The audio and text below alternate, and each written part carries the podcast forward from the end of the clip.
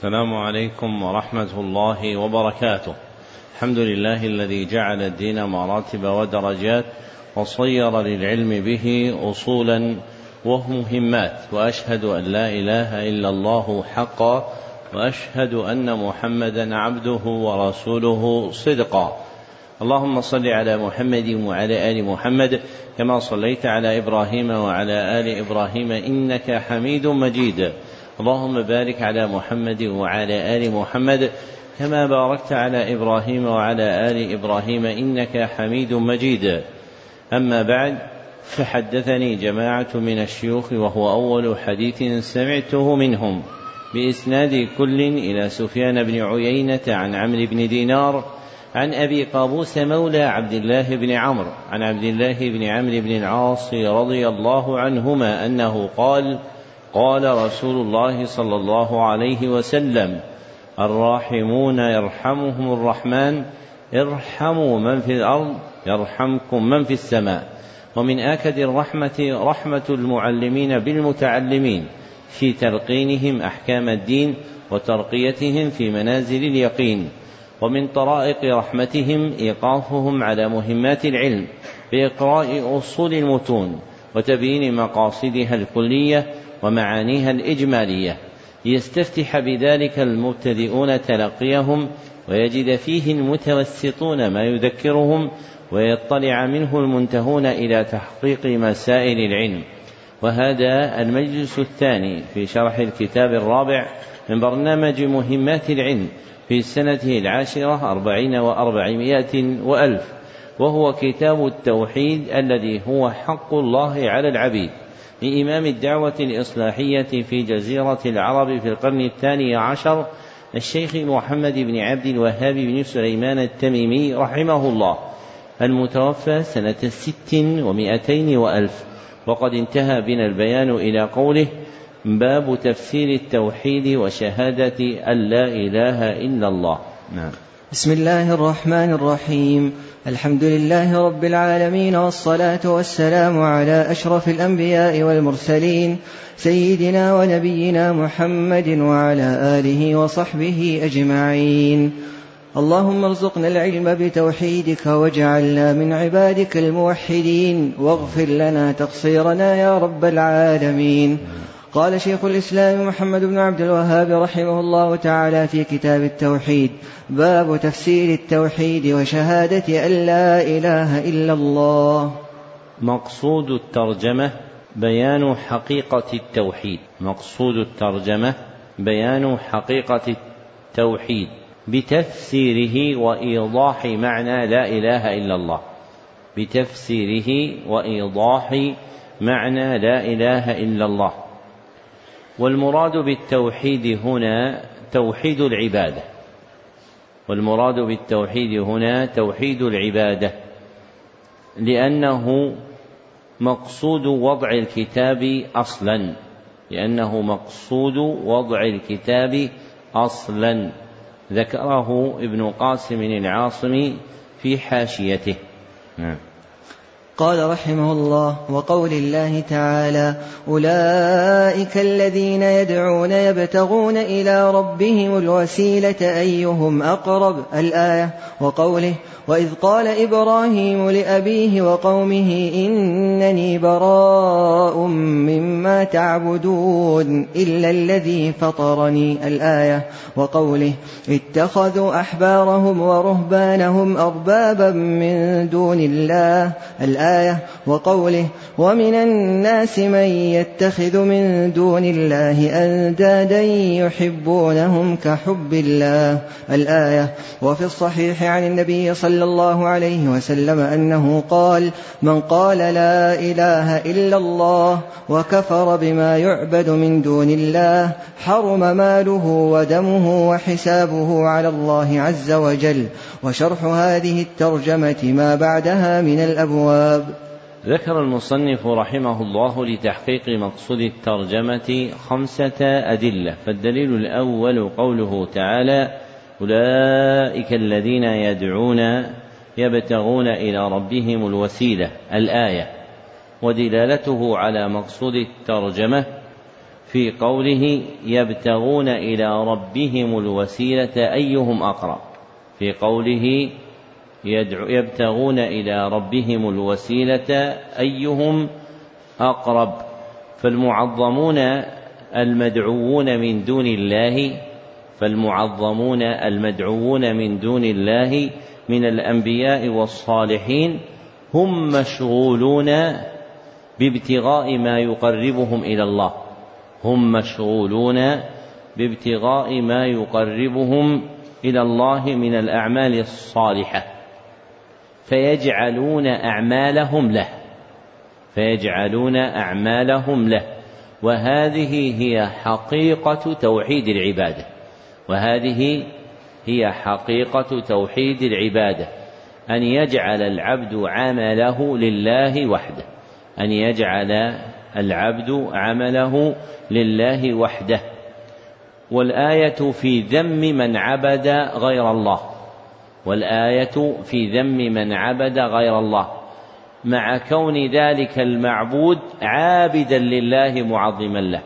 مع كون ذلك المعبود عابدا لله معظما له. والدليل الثاني قوله تعالى وإذ قال إبراهيم لأبيه وقومه إنني براء مما تعبدون إلا الذي فطرني. الآية ودلالته على مقصود الترجمة من وجهين أحدهما في قوله إنني براء مما تعبدون ففيه إبطال الآلهة المعبودة من دون الله ففيه إبطال الآلهة المعبودة من دون الله والآخر في قوله إلا الذي فطرني. والآخر في قوله إلا الذي فطرني. ففيه إثبات العبادة لله وحده. ففيه إثبات العبادة لله وحده. فالآية جامعة نفيا وإثباتا. فالآية جامعة نفيا وإثباتا. بنفي العبادة عن غير الله. بنفي العبادة عن غير الله وإثبات استحقاق الله لها وحده وإثبات استحقاق الله لها وحده. وهذا المعنى هو المراد في كلمة التوحيد لا إله إلا الله. وهذا المعنى هو المراد في كلمة التوحيد لا إله إلا الله. فالآية المذكورة تفسر النفي والإثبات في قولنا لا إله إلا الله. فالآية المذكورة تفسر النفي والإثبات في قولنا لا إله إلا الله فحقيقتها أنه لا معبود حق إلا الله فحقيقتها أنه لا معبود حق إلا الله. والدليل الثالث قوله تعالى اتخذوا أحبارهم ورهبانهم أربابا من دون الله. الآية ودلالته على مقصود الترجمة في تمامها. وما أمروا إلا ليعبدوا إلها واحدا. ودلالته على مقصود الترجمة في تمامها. وما أمروا إلا ليعبدوا إلها واحدا. لا إله إلا هو سبحانه عما يشركون. وذلك من ثلاثة وجوه. وذلك من ثلاثة وجوه. أحدها في بيان أن المأمور به هو عبادة إله واحد هو المعبود الحق. في بيان أن المأمور به هو عبادة معبود واحد هو الإله الحق وهو الله. وثانيها في بيان أنه لا إله إلا الله. في بيان أنه لا إله إلا الله فهو المستحق للعبادة وغيره لا يستحق شيئا فهو المستحق للعبادة وغيره لا يستحق شيئا. وثالثها في تنزيه الله سبحانه وتعالى عما يصنعه المشركون من عبادة غيره. في تنزيه الله عما يعبده المشركون من عبادة غيره. والدليل الثالث في والدليل الثالث قوله تعالى ومن الناس من يتخذ من دون الله اندادا. الآية. ودلالته على مقصود الترجمة في قوله يحبونهم كحب الله والذين آمنوا أشد حبا لله. ودلالته على مقصود الترجمة في قوله يحبونهم كحب الله والذين آمنوا أشد حبا لله فمحبة الله مع محبة غيره عبادة فعل المشركين فمحبة الله مع محبة غيره عبادة فعل المشركين ومحبة الله وحده عبادة فعل المؤمنين ومحبة الله وحده عبادة فعل المؤمنين. فحقيقة التوحيد إفراد الله بأنواع المحبة بأنواع العبادة ومنها المحبة. فحقيقة التوحيد إفراد الله بأنواع العبادة ومنها المحبة. والدليل الخامس حديث طارق بن أشيم الأشجعي رضي الله عنه أن النبي صلى الله عليه وسلم قال من قال لا إله إلا الله. الحديث رواه مسلم. ودلالته على مقصود الترجمة من وجهين. أحدهما في قوله من قال لا إله إلا الله أي قولا مقترنا باعتقاد معناها والعمل بمقتضاها أي قولا مقترنا باعتقاد معناها والعمل بمقتضاها من إثبات العبادة لله وحده ونفيها عن غيره. من إثبات العبادة لله وحده ونفيها عن غيره والآخر في قوله وكفر بما يعبد من دون الله والآخر في قوله وكفر بما يعبد من دون الله فمن حقيقة التوحيد إبطال عبادة غير الله فمن حقيقة التوحيد إبطال عبادة غير الله. نعم. قال رحمه الله فيه مسائل. الأولى وهي من أهمها وهو تفسير التوحيد وتفسير الشهادة وبينها بأمور واضحة. منها آية الإسراء بين فيها الرد على المشركين الذين يدعون الصالحين ففيها بيان أن هذا هو الشرك الأكبر. ومنها آية براءة بين فيها أن أهل الكتاب اتخذوا أحبارهم ورهبانهم أربابا من دون الله. وبين أنهم لم يؤمروا إلا بأن يعبدوا إلها واحدا مع أن تفسيرها الذي لا إشكال فيه طاعة العلماء والعباد في المعصية لا دعاؤهم إياهم. ومنها قول الخليل عليه الصلاة والسلام للكفار إنني براء مما تعبدون إلا الذي فطرني الآية فاستثنى من المعبودين ربه وذكر سبحانه أن هذه البراءة وهذه الموالاة هي تفسير شهادة أن لا إله إلا الله.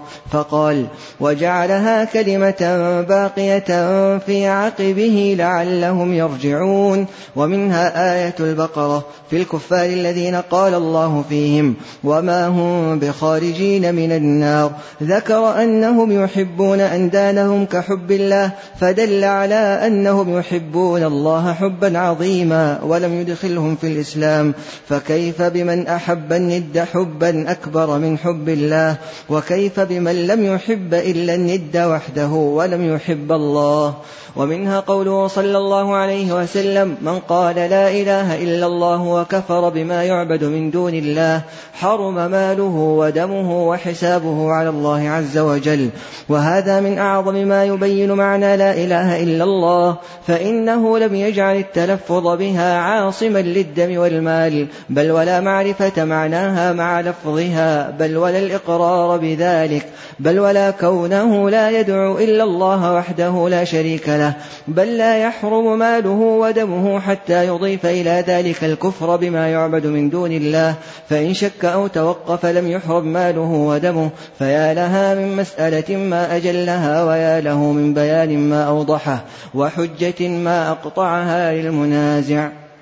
قوله رحمه الله فيه مسائل مع اقتصاره على مسألة واحدة له وجهان. قوله رحمه الله فيه مسائل مع اقتصاره على مسألة واحدة له وجهان. أحدهما أنه وقع تعظيما لمقامها. أنه وقع تعظيما لمقامها. بكونها مسألة واحدة تقع موقع جمع من المسائل بكونها مسألة واحدة تقع موقع جمع من المسائل. والآخر أنه ترك استنباط بقية المسائل إلى المتلقي الآخذ للكتاب أنه ترك استنباط بقية المسائل إلى المتلقي الآخذ للكتاب. بأن يحرك نظره ويجيل فهمه بما ذكره من الأدلة فيه ويلحق المسائل المستخرجة منها. نعم. قال المصنف رحمه الله باب من الشرك لبس الحلقة والخيط ونحوهما لرفع البلاء أو دفعه.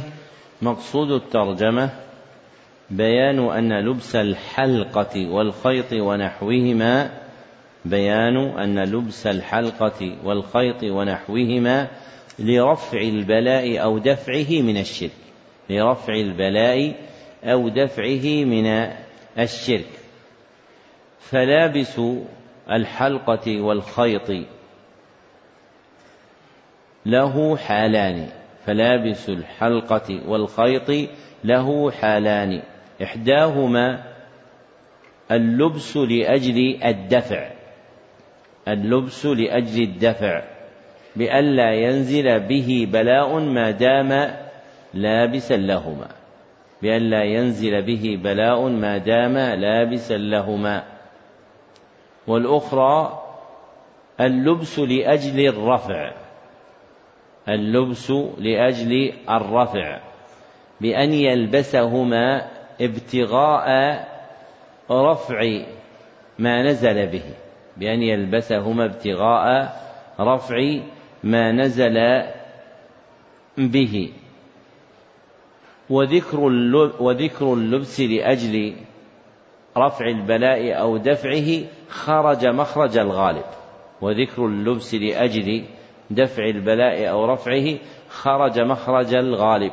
فمثله لو لبسهما أو شيئا غيرهما لأجل جلب النفع فمثله لو لبسهما أو غيرهما لأجل جلب النفع وزيادته. وكلا الحالين من الشرك الأصغر وكلا الحالين من الشرك الأصغر لأنه جعل شيء سببا مع عدم ثبوت كونه كذلك. لأنه من جعل شيء سببا مع عدم ثبوت كونه كذلك. لا من طريق الشرع ولا من طريق القدر. لا من طريق الشرع ولا من طريق القدر. فاتخاذ أسباب لا تصح لا يصح كونها أسبابا هو من الشرك الأصغر. فاتخاذ أسباب لا يصح كونها أسبابا هو من الشرك الأصغر. نعم. قال رحمه الله وقول الله تعالى قل أفرأيتم ما تدعون من دون الله إن أرادني الله بضر هل هن كاشفات ضره؟ الآية عن عمران بن حسين رضي الله عنه أن النبي صلى الله عليه وسلم رأى رجلا في يده حلقة من صفر فقال ما هذه؟ قال من الواهنة. فقال صلى الله عليه وسلم انزعها فإنها لا تزيدك إلا وهنا فإنك لو مت وهي عليك ما أفلحت أبدا. رواه أحمد بسند لا بأس به. وله عن عقبة بن عامر مرفوعا من تعلق تميمة فلا أتم الله له ومن تعلق ودعة فلا ودع الله له. وفي رواية من تعلق تميمة فقد أشرك. ولابن أبي حاتم عن حذيفة رضي الله عنه أنه رأى رجلا في يده خيط من الحمى فقطعه وتلا قوله وما يؤمن أكثرهم بالله إلا وهم مشركون.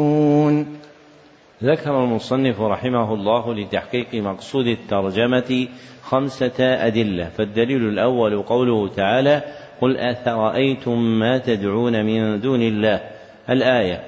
ودلالته على مقصود الترجمة في قوله هل هن كاشفات ضره؟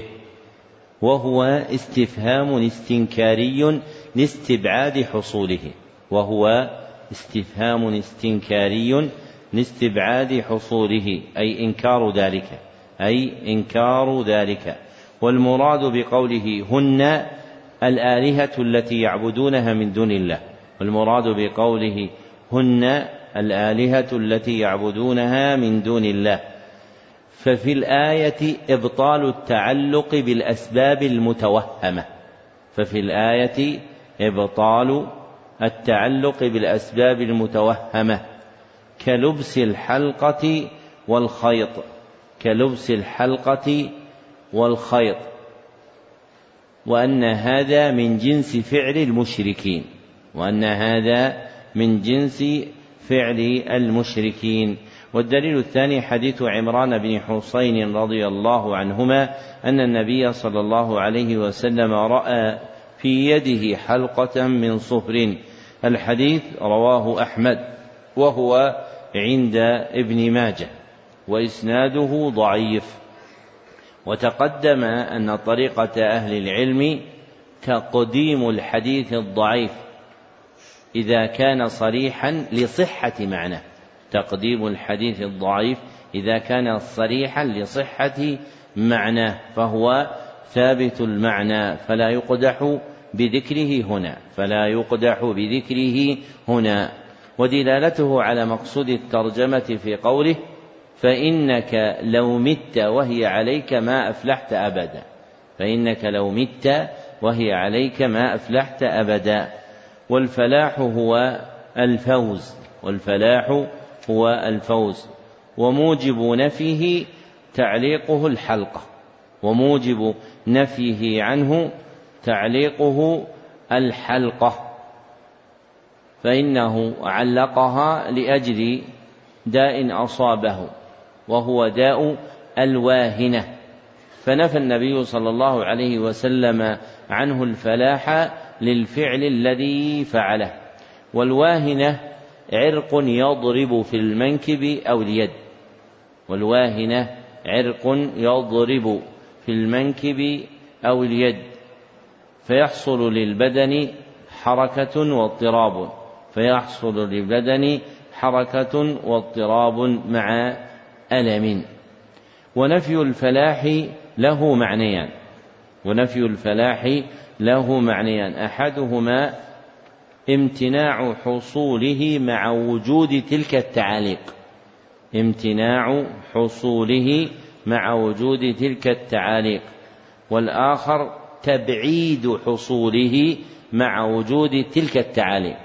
تبعيد حصوله مع وجود تلك التعاليق. والمراد منهما في الحديث الثاني. والمراد منهما في الحديث الثاني. لأن الذي يمتنع فلاحه هو الواقع في الشرك الأكبر. لأن الذي يمتنع فلاحه هو الواقع في الشرك الأكبر. والحديث خرج مخرج الوعيد. والحديث خرج مخرج الوعيد تخويفا للعبد تخويفا للعبد. فيتخوف عليه فوات الفلاح فيتخوف عليه فوات الفلاح لأجل ما وقع فيه من الشرك. والدليل الثالث حديث عقبة بن عامر رضي الله عنه مرفوعا من تعلق شيئا فلا أتم الله له. الحديث رواه أحمد وإسناده حسن. ودلالته على مقصود الترجمة في قوله فلا أتم الله له وقوله فلا ودع الله له في قوله فلا أتم الله له وقوله فلا ودع الله له أي لا ترك الله له أي لا ترك الله له وهما جملتان دعائيتان وهما جملتان دعائيتان أي دعاء على من فعل ذلك. أي دعاء على من فعل ذلك. تدلان على حرمة فعله. تدلان على حرمة فعله.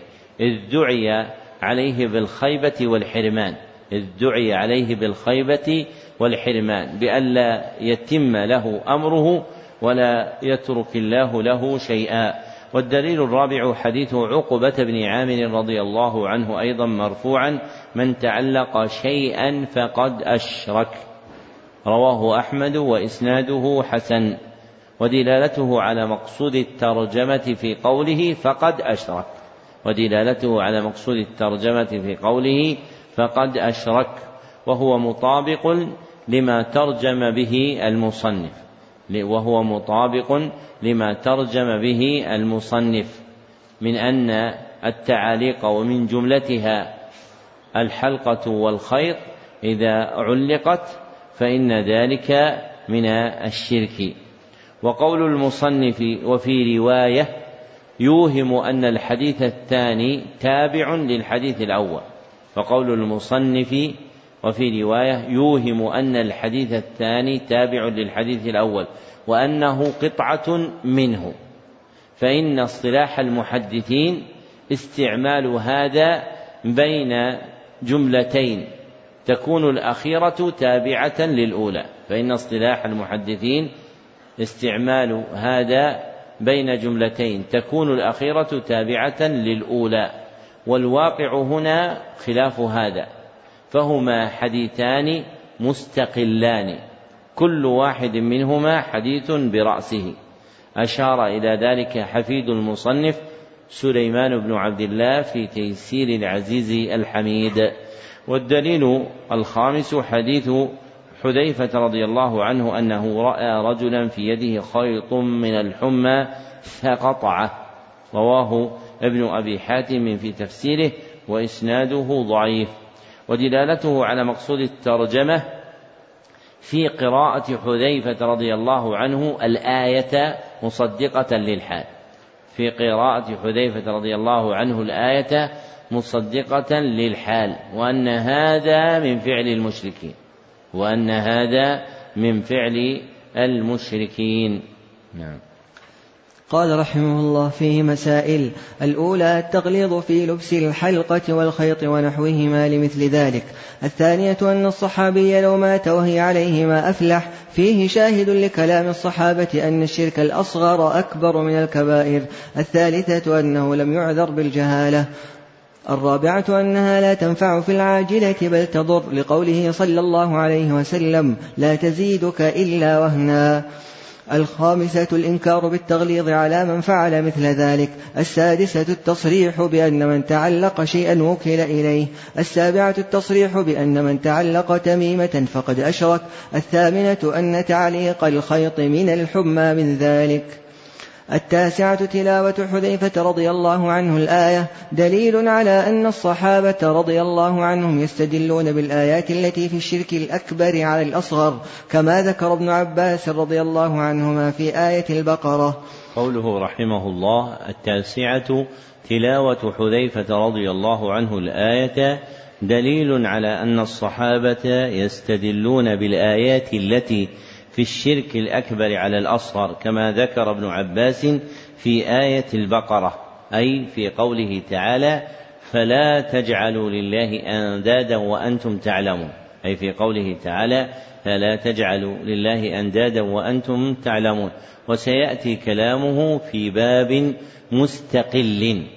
وذكرهم تلك الآيات في مقام الشرك الأصغر لاشتراكهما في كونهما شركا.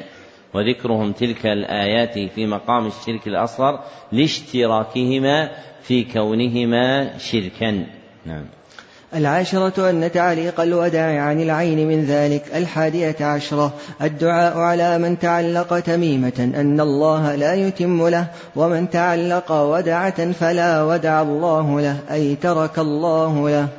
قال المصنف رحمه الله باب ما جاء في الرقى والتمائم.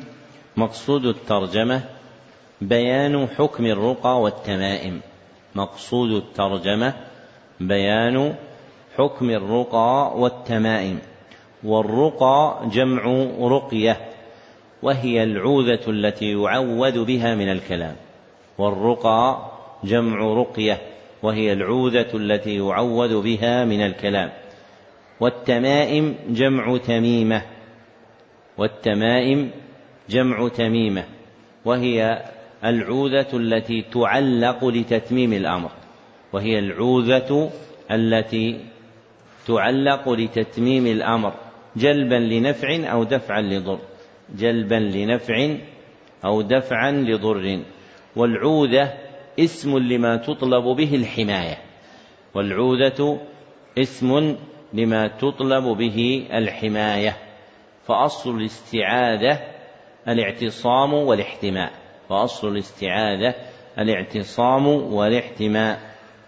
والأصل في الرقية أنها تكون ملفوظة متكلما بها. والأصل في الرقية أنها تكون ملفوظة متكلما بها. والأصل في التميمة أنها تكون معلقة. والأصل في التميمة أنها تكون معلقة ويلحق بالأصل ما كان تابعا له ويلحق بالأصل ما كان تابعا له. فمثلا يوجد من الرقى أن يعمد إلى شيء من الآيات كآية الكرسي فتكتب فتكتب بالزعفران على ورق. ثم تبعث إلى ثم تبعث إلى مريض فيحلها بالماء ويشرب هذا الماء. فهذا من جنس الرقى. الرقية, الرقية الواقعة هنا وقعت مكتوبة. وأصلها كان إيش؟ ملفوظا. فهي تلحق بأصلها. ومن الثاني وضع المصاحف في السيارات لدفع الحوادث عنها فهذا من جنس التمائم ولو لم يكن معلقا فالوضع من جنس التعليق فيلحق به ويكون تابعا له. نعم. قال رحمه الله في الصحيح عن أبي بشير الأنصاري أنه كان مع النبي صلى الله عليه وسلم في بعض أسفاره فأرسل رسولا ألا يبقين في رقبة بعير قلادة من وتر أو قلادة إلا قطعت. وعن ابن مسعود رضي الله عنه أنه قال سمعت رسول الله صلى الله عليه وسلم يقول إن الرقى والتمائم والتولة شرك. رواه أحمد وأبو داود. وعن عبد الله بن عكيم مرفوعا من تعلق شيئا وكل إليه رواه أحمد والترمذي. التمائم شيء يعلق على الأولاد عن العين لكن إذا كان المعلق من القرآن فرخص فيه بعض السلف وبعضهم لم يرخص فيه ويجعله من المنهي عنه. منهم ابن مسعود رضي الله عنه والرقى هي التي تسمى العزائم وخص منه الدليل ما خلا من الشرك فقد رخص فيه رسول الله صلى الله عليه وسلم من العين والحمى. والتولة شيء يصنعونه ويزعمون أنه يحبب المرأة إلى زوجها والرجل إلى امرأته. وروى الإمام أحمد عن رويفع أنه قال قال لي رسول الله صلى الله عليه وسلم يا رويفع لعل الحياة ستطول بك فأخبر الناس أن من عقد لحيته أو تقلد وترا أو استنجى برجيع دابة أو عظم فإن محمدا بريء منه. وعن سعيد بن جبير أنه قال من قطع تميمة من إنسان كان كعدل رقبة رواه وكيع. وله عن إبراهيم كانوا يكرهون التمائم كلها من القرآن وغير القرآن.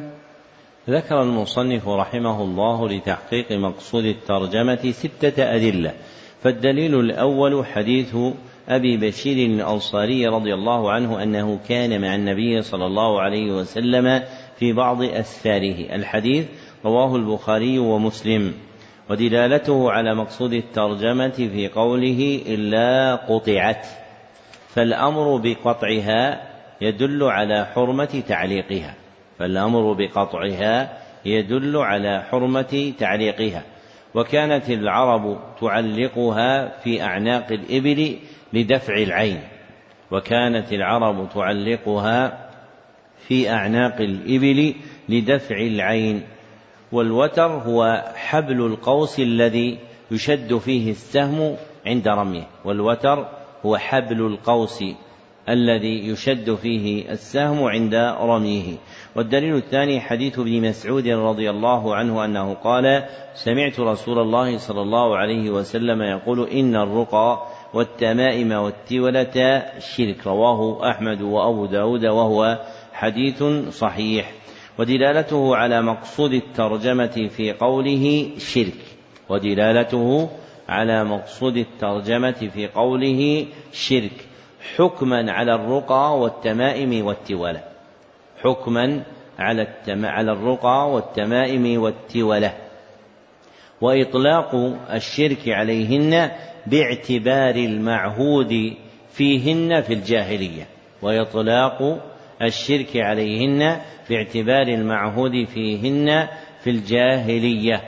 فالذي كان عندهم من الرقى والتمائم والتولة كان مشتملا على الشرك. وأما باعتبار حقيقة الأمر فإن المذكورات تنقسم ثلاثة أقسام.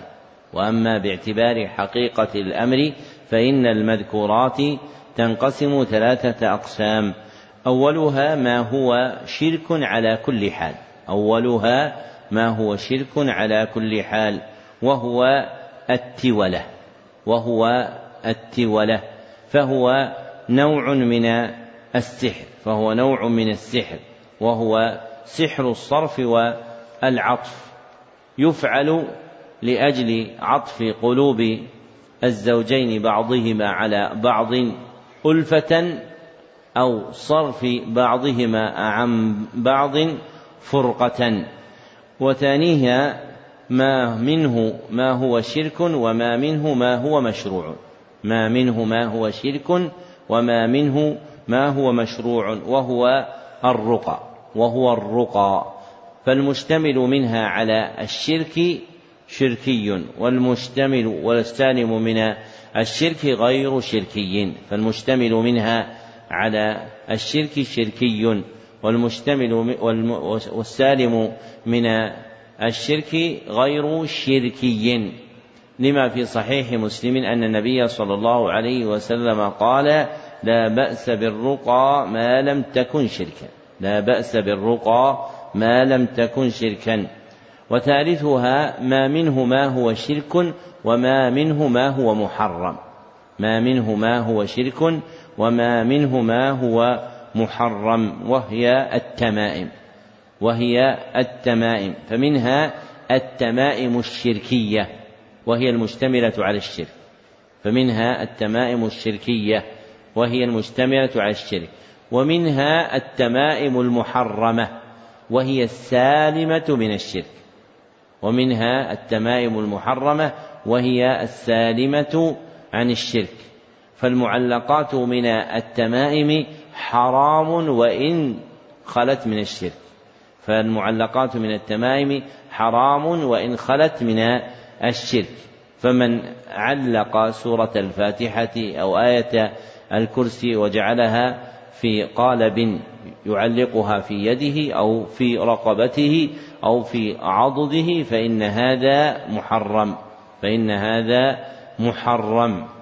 وذهب شيخنا ابن باز رحمه الله إلى أنها تكون شركا في حال لأنها تكون شركا في حال وهو إذا توجه قلب المعلق إلى التعليق فقط لا إلى مضمنه وهو إذا توجه قلب المعلق إلى التعليق فقط لا إلى مضمنه. أي أن تلك التمائم المحرمة كتعليق الآيات أو السور تكون شركا في حال واحدة وهو أن من تعلقها يتوجه قلبه إلى صورة التعليق دون المعلق فهو لا يبالي بكون المعلق آية الكرسي أو الفاتحة أو غيرهما وإنما مقصوده أن يكون هذا التعليق على صدره أو على يده. فتكون هذه الحال شركا أيضا. واضح؟ طيب لماذا التمائم السالمة من الشرك تكون محرمة ولا تكون شركا؟ يعني الذي يعلق آية الكرسي أو الفاتحة يكون فعله محرم ولا يكون شرك. لماذا؟ لا أنا أقول هي لماذا تكون محرمة ولا تكون شركا؟ ما أقول لماذا حرمت أقول لماذا تكون محرمة ولا تكون شركا؟ سبب شرعي. والجواب لأن الأصل في ابتغاء الاستشفاء بالقرآن مأذون به شرعا. فالقرآن من أسباب الشفاء. فأصل السبب مقبول شرعا لكن صورة استعمال السبب بتعليق التميمة محرمة شرعا فلم يحكم بكونها شركا. والدليل الثالث حديث عبد الله بن عكيم رضي الله عنه أن النبي صلى الله عليه وسلم قال من تعلق شيئا وكل إليه. رواه أحمد والترمذي وهو حديث حسن. ودلالته على مقصود الترجمة في قوله وكل إليه. ودلالته على مقصود الترجمة في قوله وكل إليه. لأن من وكل إلى غير الله هلك. لأن من وكل إلى غير الله هلك. فوكله إلى معلقه تدل على حرمته. فوكله إلى معلقه تدل على حرمته. لأن أسباب الهلاك محرمة على العبد. والدليل الرابع حديث رويفع رضي الله عنه أنه قال قال لي رسول الله صلى الله عليه وسلم يا رويفع الحديث رواه أحمد كما عزاه إليه المصنف وهو عند أبي داود والنسائي فالعزو إليهما أولى وإسناده صحيح ودلالته على مقصود الترجمة في قوله أو تقلد وترا مع قوله فإن محمدا بريء منه وتقليد الوتر هو كما تقدم لدفع العين. وتقليد الوتر هو كما تقدم لدفع العين. وبراءة النبي صلى الله عليه وسلم تدل على أن فعله كبيرة من كبائر الذنوب. تدل على أن فعله كبيرة من كبائر الذنوب. والدليل الخامس حديث سعيد بن جبير رحمه الله أنه قال من قطع تميمة من إنسان. الحديث رواه وكيع في جامعه وابن أبي شيبة في مصنفه وإسناده ضعيف ودلالته على مقصود الترجمة في قوله كعدل رقبة أي كإعتاق رقبة مملوكة أي كإعتاق رقبة مملوكة فجعل إخراجها من ذل رق الملك إلى الحرية فجعل قطعها بمنزلة إخراجها من ذل الملك إلى الحرية لأن قاطعها أخرج العبد من ذل الشرك إلى عز التوحيد لأن قاطعها أخرج العبد من ذل الشرك إلى عز التوحيد. والدليل السادس حديث إبراهيم وهو ابن يزيد النخعي أحد التابعين أنه قال كانوا يكرهون التمائم كلها. الحديث أخرجه وكيع في جامعه وابن أبي شيبة في المصنف وإسناده صحيح. ودلالته على مقصود الترجمة في قوله كانوا يكرهون التمائم. فالكراهة في عرف السلف الحرمة. فالكراهة في عرف السلف أي اصطلاحهم الحرمة. ذكره ابن تيمية الحفيد وصاحبه أبو عبد الله بن القيم وحفيده بالتلمذة أبو الفرج ابن رجب رحمهم الله. ومراد إبراهيم بقوله كانوا أصحاب ابن مسعود. ومراد ومراد إبراهيم بقوله كانوا أصحاب ابن مسعود رضي الله عنهم. فما وقع في كلام إبراهيم النخعي من قوله كانوا فمراده شيوخه من أهل الكوفة من أصحاب عبد الله بن مسعود. وما كانوا عليه هو الدين والعلم الذي أخذوه عنه. وما كانوا عليه هو العلم والدين الذي أخذوه عنه. ومن طرائق الفقهاء نسبة شيء إلى ابن مسعود لأنه قول أهل الكوفة ومن طرائق الفقهاء نسبة شيء إلى ابن مسعود لأنه قول أهل الكوفة من التابعين وهم أخذوا علمهم عن ابن مسعود رضي الله عنه ومن هؤلاء الإمام أحمد فإنه يذكر أشياء عن ابن مسعود يعني مما كان عليه أصحابه رحمهم الله فيستدل بذلك على كونه قول ابن مسعود رضي الله عنه. نعم. أحسن الله إليكم. قال رحمه الله فيه مسائل. الأولى تفسير الرقى وتفسير التمائم. الثانية تفسير التولة. الثالثة أن هذه الثلاثة كلها من الشرك من غير استثناء. قوله رحمه الله الثالثة أن هذه الثلاثة كلها من الشرك من غير استثناء. أي, أي باعتبار معروفها المعهود عند أهل الجاهلية أي باعتبار معروفها المعهود عند الجاهلية فما كان عندهم من رقية أو تولة أو تميمة فهو من الشرك فما كان عندهم من رقية أو تميمة أو تولة فهو من الشرك لما تقدم أن النبي صلى الله عليه وسلم قال في الرقى لا بأس بالرقى ما لم تكن شركا. فيحمل كلام المصنف على إرادة المعنى المذكور. نعم. الرابعة أن الرقية بالكلام الحق من العين والحمة ليس من ذلك. الخامسة أن التميمة إذا كانت من القرآن فقد اختلف العلماء هل هي من ذلك أم لا. السادسة أن تعليق الأوتار على الدواب من العين من ذلك.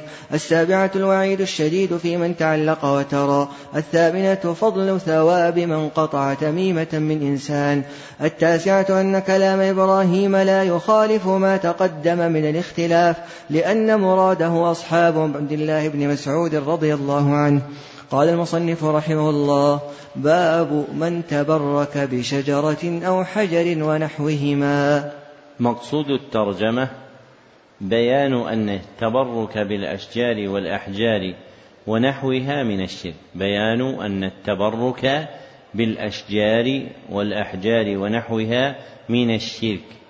أو بيان حكمه. أو بيان حكمه. فإنه يجوز في من وجهان. فإنه يجوز في من وجهان. أحدهما أن تكون شرطية. أحدهما أن تكون شرطية. وجواب الشرط محذوف مقدر بقولنا فقد أشرك وجواب الشرط محذوف مقدر بقولنا فقد أشرك وعلى هذا المعنى يكون الحكم مذكورا. وعلى هذا المعنى يكون الحكم مذكورا. والآخر أن تكون اسما موصولا بمعنى الذي. أن تكون اسما موصولا بمعنى الذي. فتقدير الكلام باب الذي تبرك بشجر أو حجر ونحوهما. باب الذي تبرك بشجر أو حجر ونحوهما. وعلى هذا الوجه يكون الحكم متروكا. وعلى هذا الوجه يكون الحكم متروكا. مطلوبا من المتلقي استنباطه.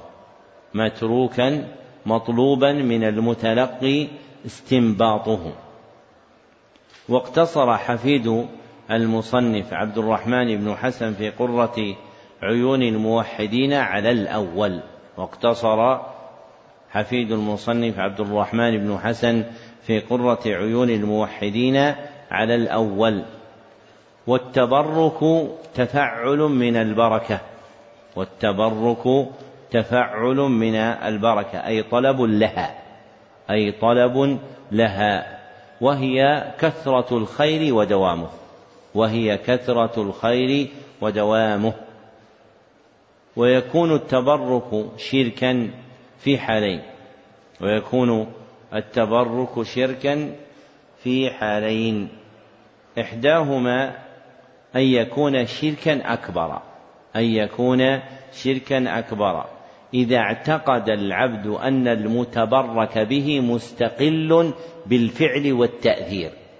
إذا اعتقد العبد أن المتبرك به مستقل بالفعل والتأثير. بأنه إذا تبرك بشيء فإن ذلك الشيء يفعل ويؤثر. والأخرى أن يكون شركا أصغر. أن يكون شركا أصغر. وله صورتان. وله صورتان. الصورة الأولى أن يتخذ للتبرك ما لم يجعل سببا له. أن يتخذ للتبرك ما لم يجعل سببا له فيتبرك بشيء لا يعد سببا للتبرك فيتبرك بشيء لا يعد سببا للتبرك. والصورة الثانية رفع السبب المأذون بالتبرك به فوق قدره. رفع السبب المأذون بالتبرك به فوق قدره. فقدره الاستبشار به والاطمئنان له. فقدره الاستبشار به والاطمئنان له. فإذا رفع بهذا فوق هذا بقوة تعلق القلب به وقع العبد في الشرك الأصغر. فإذا رفع فوق هذا بقوة تعلق القلب به وقع العبد في الشرك الأصغر. ومن القواعد اللازمة معرفتها فيما يتعلق بالتبرك قاعدتان. ومن القواعد اللازمة معرفتها فيما يتعلق بالتبرك قاعدتان.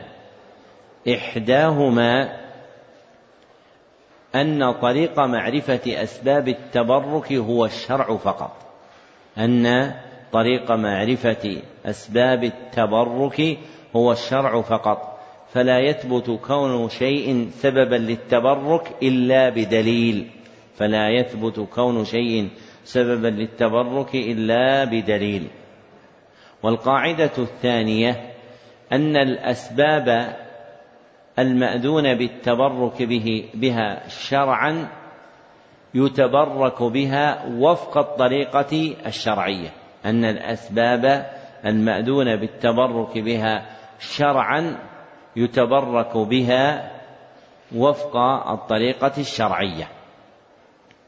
فمثلا إذا أريد التبرك بالقرآن فإذا طبقنا القاعدة الأولى ماذا يخرج النتيجة؟ تبرك به أم لا يتبرك؟ ما الجواب؟ يتبرك. فالقرآن كتاب مبارك فهو سبب للتبرك. وإذا أردنا أن نطبق القاعدة الثانية في صفة التبرك به فتكون الطريقة الشرعية في التبرك به إيش؟ قراءته وحفظه ومعرفة معانيه إلى غير ذلك من أنواع الانتفاع به فإذا جعل إنسان طريقة للتبرك به مما لم تأت بها الشريعة يكون فعله خلاف القاعدة أي قاعدة الثانية الثانية. يعني لو إنسان أتيت إليه ورأيته يضع المصحف في السيارة لا ليقرأ فيه بل يجعله دائما في السيارة. فنصحته بأن هذا من جنس التمائم المنهي عنها. فقال إنني لا أريد أنه تميمة وإنما أريد التبرك به بوضعه في السيارة ليجلب لي الخير. فإن فعله يكون حينئذ موافق للشرع أم غير موافق؟ غير موافق للشرع نعم. قال رحمه الله وقول الله تعالى أفرأيتم اللات والعزى ومناة الثالثة الأخرى؟ الآيات. عن أبي واقد الليثي رضي الله عنه أنه قال خرجنا مع رسول الله صلى الله عليه وسلم إلى حنين ونحن حدثاء عهد بكفر وللمشركين سدرة يعكفون عندها وينوطون بها أسلحتهم. يقال لها ذات أنواط. فمررنا بسدرة فقلنا يا رسول الله اجعل لنا ذات أنواط كما لهم ذات أنواط. فقال رسول الله صلى الله عليه وسلم الله أكبر إنها السنن. قلتم والذي نفسي بيده كما قالت بنو إسرائيل لموسى اجعل لنا إلها كما لهم آلهة. قال إنكم قوم تجهلون. لتركبن سنن من كان قبلكم رواه الترمذي وصححه. ذكر المصنف رحمه الله لتحقيق مقصود الترجمة دليلين. فالدليل الأول قوله تعالى أفرأيتم اللات والعزى والآية التي بعدها ودلالته على مقصود الترجمة في قوله بعد آيتين ما أنزل الله بها من سلطان ما أنزل الله بها من سلطان أي ما جعل لكم من حجة في التبرك بها أي ما جعل لكم من حجة في التبرك بها. فإنهم كانوا يتبركون بهذه المذكورات. فمثلها في الحكم كل ما جعل سببا للبركة من غير دليل شرعي. ففي الآية إبطال التبرك بالأحجار والأشجار. ففي الآية إبطال التبرك بالأحجار والأشجار. والدليل الثاني حديث أبي واقد الليثي رضي الله عنه أنه قال خرجنا مع رسول الله صلى الله عليه وسلم. الحديث رواه الترمذي وصححه وهو كذلك. ودلالته على مقصود الترجمة في قوله صلى الله عليه وسلم قلتم والذي نفسي بيده كما قالت بنو إسرائيل لموسى اجعل لنا إلها كما لهم آلهة. قال إنكم قوم تجهلون. فجعل النبي صلى الله عليه وسلم التباس التماس البركة من الشجرة بمنزلة تأليهها فجعل النبي صلى الله عليه وسلم التماس البركة من الشجرة بمنزلة تأليهها لتوجه القلب إليها. لتوجه القلب إليها واستمداد الخير منها واستمداد الخير منها فإنهم أرادوا أن يعلقوا أسلحتهم بتلك الشجرة فإنهم أرادوا أن يعلقوا أسلحتهم بتلك الشجرة لتمد لتمدها بالقوة والسداد لتمدها بالقوة والسداد فجعل النبي صلى الله عليه وسلم ذلك من جنس التأليه فجعل النبي صلى الله عليه وسلم ذلك من جنس من جنس التأليه وهو من الشرك الأصغر كما تقدم نعم. قال رحمه الله فيه مسائل. الأولى تفسير آية النجم الثانية معرفة صورة الأمر الذي طلبوا الثالثة كونهم لم يفعلوا الرابعة كونهم قصدوا التقرب إلى الله بذلك لظنهم أنه يحبه الخامسة أنهم إذا جهلوا هذا فغيرهم أولى بالجهل السادسة أن لهم من الحسنات والوعد بالمغفرة ما ليس لغيرهم السابعة أن النبي صلى الله عليه وسلم لم يعذرهم بل رد عليهم بقوله صلى الله عليه وسلم الله أكبر إنها السنن لتتبعن سنن من كان قبلكم فغلظ الأمر بهذه الثلاث. الثامنة الأمر الكبير هو المقصود أنه صلى الله عليه وسلم أخبر أن طلبهم كطلب بني إسرائيل. التاسعة أن نفي هذا من معنى لا إله إلا الله مع دقته وخفائه على أولئك. قوله رحمه الله التاسعة أن نفي هذا من معنى لا إله إلا الله مع كونه مع دقته وخفائه على أولئك أي نفي اعتقاد البركة فيما ليس سببا لها أي نفي اعتقاد البركة فيما ليس سببا لها كالأحجار والأشجار هو من معنى لا إله إلا الله هو من معنى لا إله إلا الله لما فيه من تعلق القلوب بذلك السبب لما فيه من تعلق القلوب بذلك السبب. نعم. العشرة أنه حلف على الفتيا وهو لا يحلف إلا لمصلحة.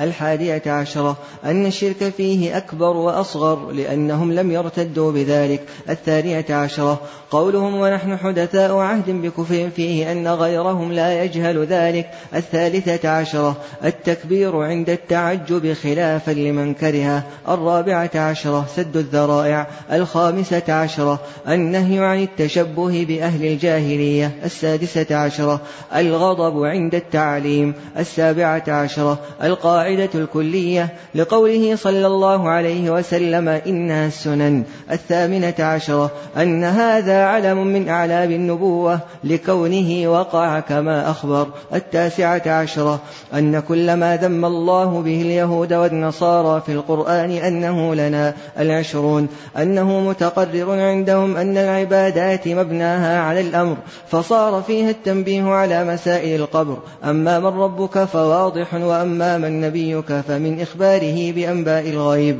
وأما ما دينك فمن قولهم اجعل لنا إلها إلى آخره. قوله العشرون أنه متقرر عندهم أن العبادات مبناها على الأمر أي على أمره صلى الله عليه وسلم بتوقيفهم على العبادة أي بأمره أي على أمره صلى الله عليه وسلم بتوقيفهم على العبادة فهم لم يبتدئوا عبادة وسألوا النبي صلى الله عليه وسلم أن يجعل لهم ذات أنواع فهم لم لم يبتدئوا عبادة وسألوا النبي صلى الله عليه وسلم أن يجعل لهم ذات أنواط وقوله فصار فيها التنبيه على مسائل القبر. أي أسئلته الثلاثة من ربك وما دينك ومن نبيك. وبين ذلك بقوله أما من ربك فواضح. ووضوحها في كونهم لم يطلبوا الشجرة معبودا. ووضوحها في كونهم لم يطلبوا الشجرة معبودا. فمعبودهم هو الله. فمعبودهم هو الله. فهم يعلمون أن الرب هو الله. وهم يعلمون أن الرب هو الله. ولكنهم طلبوا سببا للبركة. ولكنهم طلبوا سببا للبركة. وقوله وأما من نبيك فمن إخباره بأنباء الغيب يعني بإخباره عن قصة موسى عليه الصلاة والسلام مع بني إسرائيل. أي بإخباره عن قصة موسى عليه الصلاة والسلام مع بني إسرائيل. وهذا الخبر لا يكون إلا بوحي نبوة. وهذا الخبر لا يكون إلا بوحي نبوة. وقوله وأما ما دينك فمن قولهم اجعل لنا إلها إلى آخره. لأنهم سألوه صلى الله عليه وسلم صفة يعبدون بها معبودهم لأنهم سألوه صلى الله عليه وسلم صفة يعبدون بها معبودهم وصفة عبادة الله هي دينه وصفة عبادة الله هي دينه. نعم.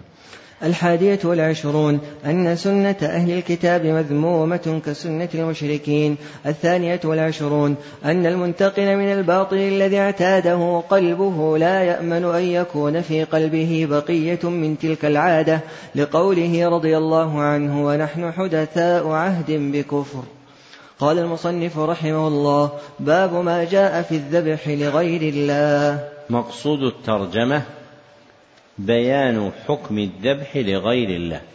بيان حكم الذبح لغير الله. نعم. قال رحمه الله وقول الله تعالى قل إن صلاتي ونسكي ومحياي ومماتي لله رب العالمين لا شريك له الآية وقوله فصل لربك وانحر. عن علي بن أبي طالب رضي الله عنه أنه قال حدثني رسول الله صلى الله عليه وسلم بأربع كلمات.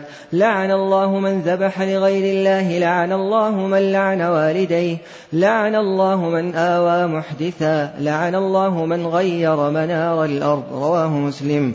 وعن طارق بن شهاب أن رسول الله صلى الله عليه وسلم قال دخل الجنة رجل في ذباب ودخل النار رجل في ذباب قالوا وكيف ذلك يا رسول الله؟ قال صلى الله عليه وسلم مر رجلان على قوم لهم صنم لا يجوزه أحد حتى يقرب له شيئا فقالوا لأحدهما قرب قال ليس لي عندي شيء أقرب. قالوا له قرب ولو ذبابا. فقرب ذبابا فخلوا سبيله فدخل النار. وقالوا للآخر قرب. فقال ما كنت لأقرب لأحد شيئا دون الله عز وجل. فضربوا عنقه فدخل الجنة. رواه أحمد. ذكر المصنف رحمه الله لتحقيق مقصود الترجمة أربعة أدلة. فالدليل الأول قوله تعالى قل إن نسك قل, قل إن صلاتي ونسكي الآية ودلالته على مقصود الترجمة في قوله ونسكي مع قوله لله رب العالمين ودلالته على مقصود الترجمة في قوله ونسكي مع قوله لله رب العالمين فالنسك هو الذبح فالنسك هو الذبح وكونه لله يدل على أنه عبادة له. وكونه لله يدل على أنه عبادة له. فالذبح لله من العبادات الشرعية. فالذبح لله من العبادات الشرعية. وإذا جعلت العبادة لغير الله صارت شركا. وإذا جعلت العبادة لغير الله صارت شركا. فالذبح لغير الله شرك. فالذبح لغير الله شرك. والدليل الثاني قوله تعالى فصل لربك وانحر. ودلالته على مقصود الترجمة في قوله وانحر. فالنحر هو الذبح. أي اذبح لربك متقربا إليه. أي اذبح لربك متقربا إليه. ففيه أن الذبح عبادة يتقرب بها إلى الله. ففيه أن الذبح عبادة يتقرب بها إلى الله وإذا جعلت لغيره صارت شركا. وإذا جعلت لغيره صارت شركا. فالذبح لغير الله شرك. والدليل الثالث حديث علي بن أبي طالب رضي الله عنه أنه قال حدثني رسول الله صلى الله عليه وسلم بأربع كلمات لعن الله من ذبح لغير الله. الحديث رواه مسلم. ودلالته على مقصود الترجمة في قوله لعن الله من ذبح لغير الله. فلعنه على ذلك يدل على أنه من الكبائر. فلعنه على ذلك يدل على أنه من الكبائر. فالذبح لغير الله من الكبائر. فالذبح لغير الله من الكبائر. والكبائر في وضع الشرع يندرج فيها الشرك والكبر والكفر والكبائر في وضع الشرع يندرج فيها الشرك والكفر. والدليل الرابع حديث طارق بن شهاب أن رسول الله صلى الله عليه وسلم قال دخل الجنة رجل في ذباب. الحديث رواه أحمد. وإطلاق العزو إليه يوهم أنه في مسنده. وإطلاق العزو إليه يوهم أنه في مسنده. فالجادة المسلوكة أنه إذا قيل في حديث رواه أحمد فالمراد أنه رواه في المسند. وليس الأمر كذلك فالحديث المذكور في غير المسند فقد رواه الإمام أحمد في كتاب الزهد. فقد رواه الإمام أحمد في كتاب الزهد. وهو عنده من حديث طارق بن شهاب عن سلمان الفارسي رضي الله عنه أنه قال وهو عنده من حديث طارق بن شهاب عن سلمان الفارسي أنه قال فذكر القصة وإسنادها صحيح فذكر القصة وإسنادها صحيح والمصنف تابع في عزو الحديث وسياقه ابن القيم في الجواب الكافي. والمصنف تابع في عزو الحديث وسياقه ابن القيم في الجواب الكافي وهو خلاف الواقع في حقيقة الأمر كما تقدم. ودلالته على مقصود الترجمة في قوله فقرب ذبابا فخلوا سبيله. ودلالته على مقصود الترجمة في قوله فقرب ذبابا فخلوا سبيله فدخل النار أي ذبح لصنمهم ذبابا على وجه القربة أي ذبح لصنمهم ذبابا على وجه القربة فدخل النار.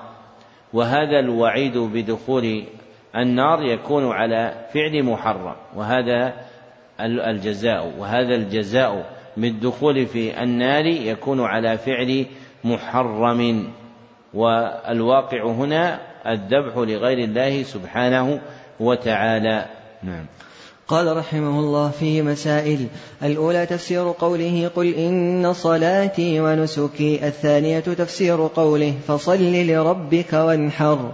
الثالثة البداءة بلعنة من ذبح لغير الله الرابعة لعن من لعن والديه ومنه أن تلعن والدي الرجل فيلعن والديك الخامسة لعن من آوى محدثا وهو الرجل يحدث شيئا يجب فيه حق الله فيلتجئ إلى من يجيره من ذلك السادسة لعن من غير منار الأرض وهي المراسيم التي تفرق بين حقك من الأرض وحق جارك فتغيرها بتقديم أو تأخير السابعة الفرق بين لعن المعين ولعن أهل المعاصي على سبيل العموم. الثامنة هذه القصة العظيمة وهي قصة الذباب.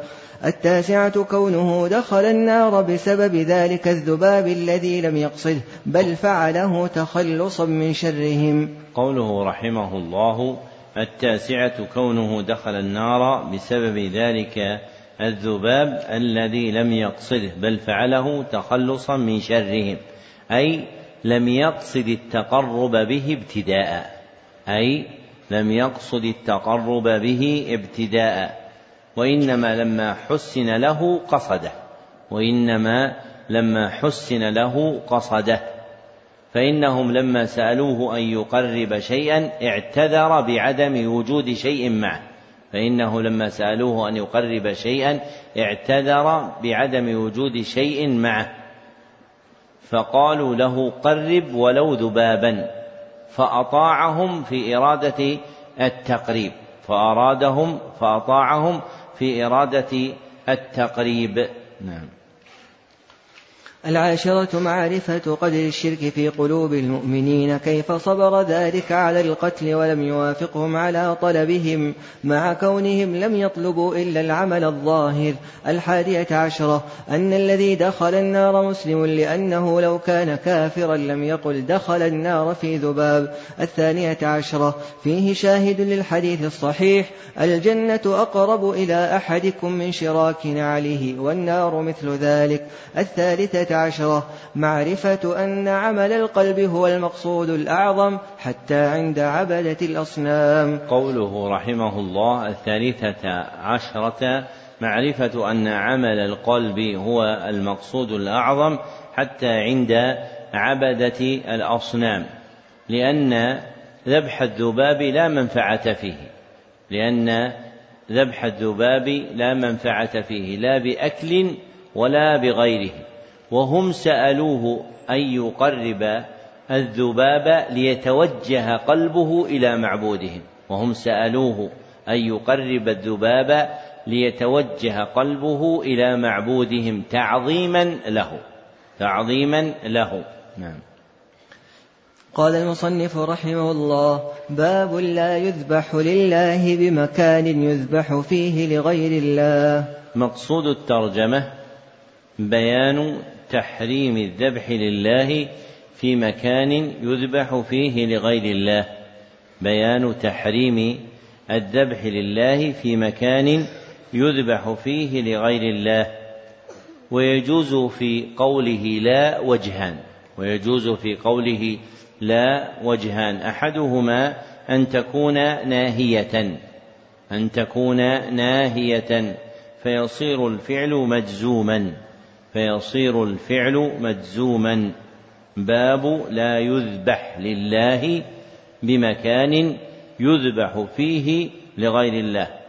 والآخر أن تكون نافية أن تكون نافية فيكون الفعل مرفوعا. باب لا يذبح لله بمكان يذبح فيه لغير الله. واستظهر كونها للنهي حفيد المصنف عبد الرحمن بن حسن في فتح المجيد واستظهر كونها للنهي حفيد المصنف عبد الرحمن بن حسن في فتح المجيد. والنفي نهي وزيادة. والنفي نهي وزيادة. فهما يجتمعان في طلب الكف عن هذا الفعل. فهما يجتمعان في طلب الكف عن هذا الفعل. ويزيد النفي مبالغة في طلب الكف عنه. ويزيد النفي مبالغة في طلب الكف عنه. واضح؟ طيب لماذا حفيد المصنف استظهر النهي وترك النفي مع كونه أبلغ في المعنى؟ والجواب أن حفيد المصنف استظهر النهي لأنه هو الأصل الشرعي فيما يطلب تركه. لأنه هو الأصل الشرعي فيما يطلب تركه. فإن الشرع إذا طلب شرك ترك شيء وقع منهيا عنه. فإن الشرع إذا طلب ترك شيء وقع منهيا عنه. ولذلك يقول الأصوليون دائما الأمر و الأمر والنهي نعم. أحسن الله إليكم. قال رحمه الله وقول الله تعالى لا تقم فيه أبدا. الآية عن ثابت بن الضحاك رضي الله عنه أنه قال نذر رجل أن ينحر إبلا ببوانة. فسأل النبي صلى الله عليه وسلم فقال هل كان فيها وثن من أوثان الجاهلية يعبد؟ قالوا لا. قال فهل كان فيها عيد من أعيادهم؟ قالوا لا. فقال رسول الله صلى الله عليه وسلم أوف بنذرك فإنه لا وفاء لنذر في معصية الله ولا فيما لا يملك ابن آدم. رواه أبو داود وإسناده على شرطهما. ذكر المصنف رحمه الله لتحقيق مقصود الترجمة دليلين. فالدليل الأول قوله تعالى لا تقم فيه أبدا.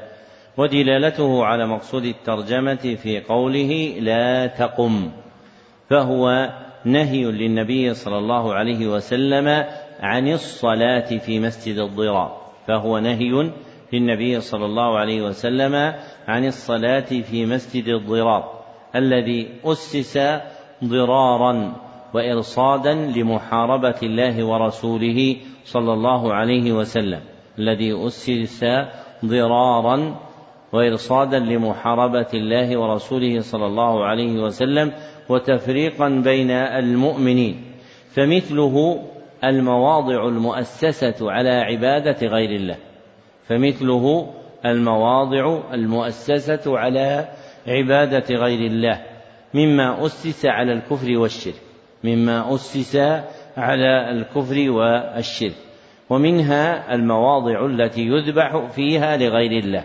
ومنها المواضع التي يذبح فيها لغير الله فلا يذبح فيها لله فلا يذبح فيها لله.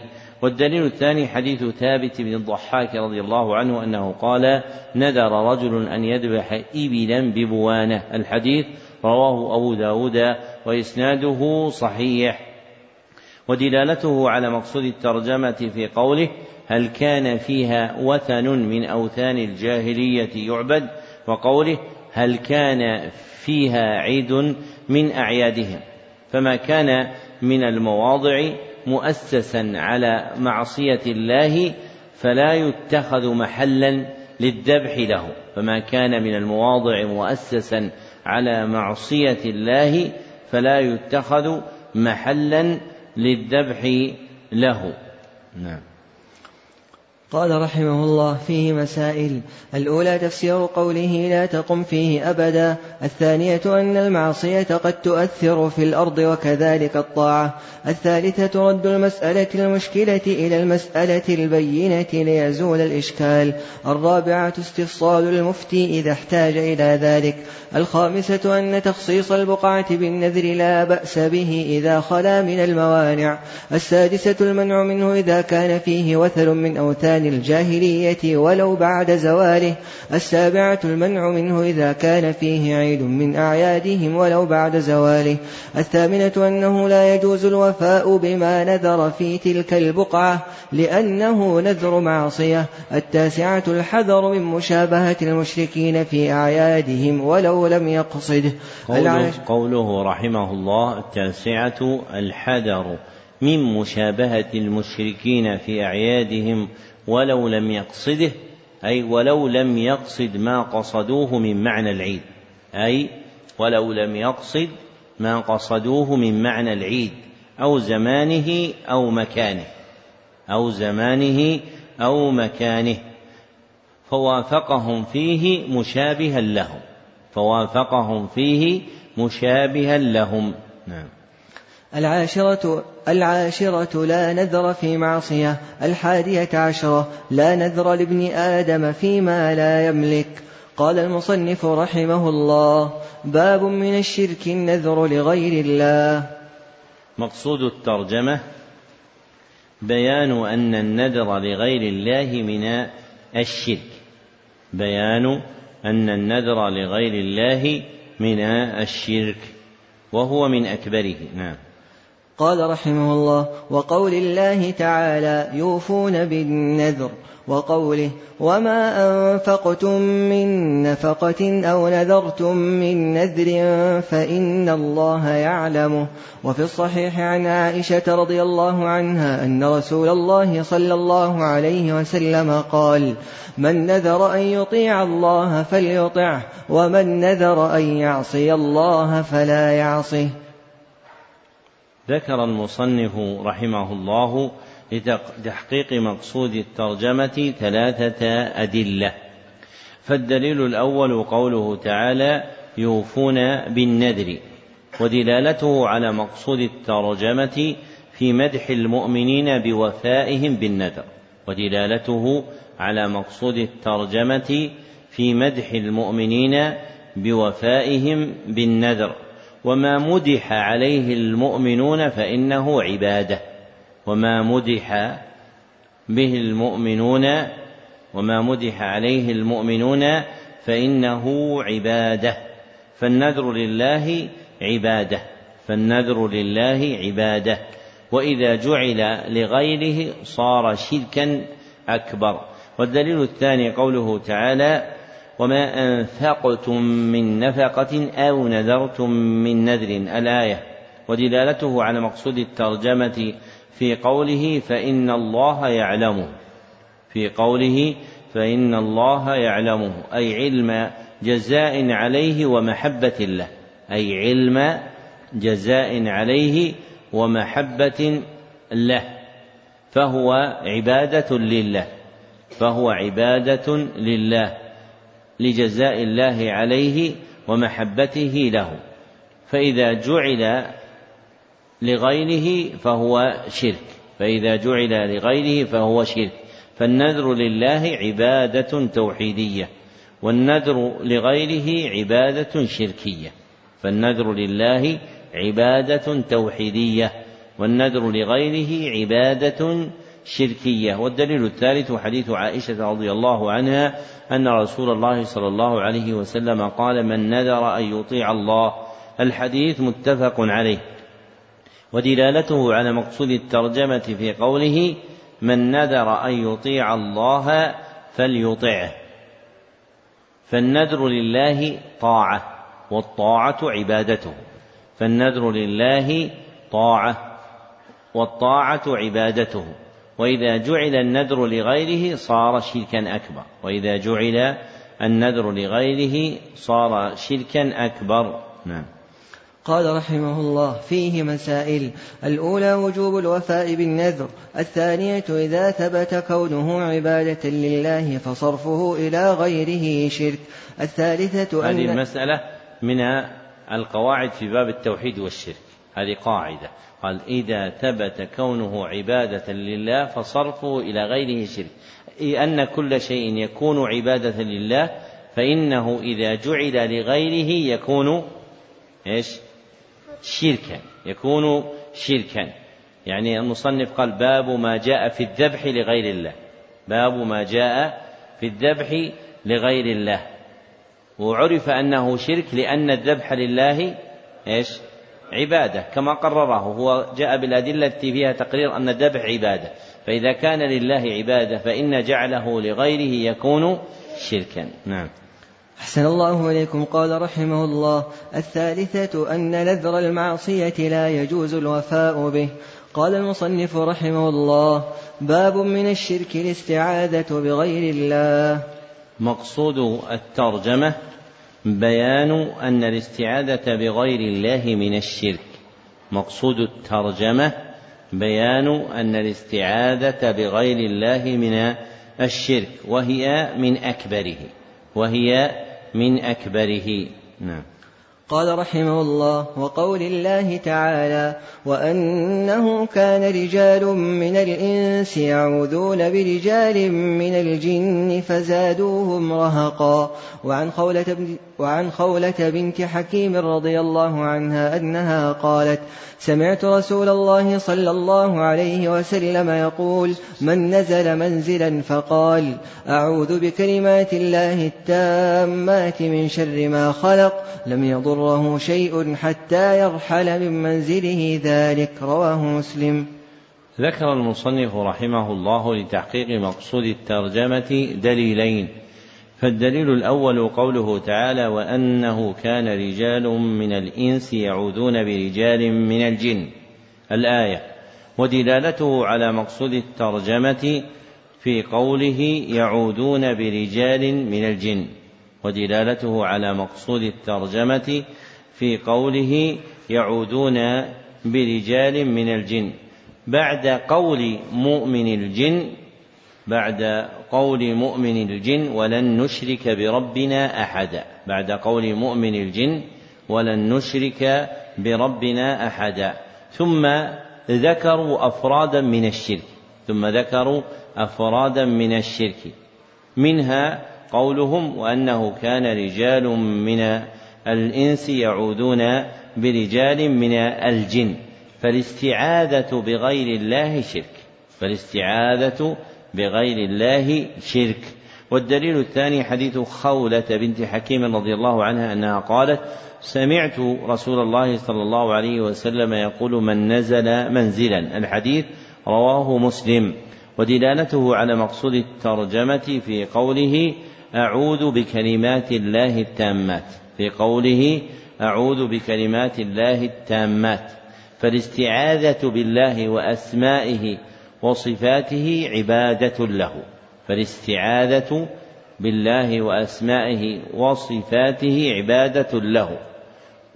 فإذا استعاذ العبد بغيره عبادة صار واقعا في الشرك. فإذا استعاذ العبد بغيره أي بغير الله وأسمائه وصفاته عبادة صار واقعا في الشرك. نعم. قال رحمه الله فيه مسائل.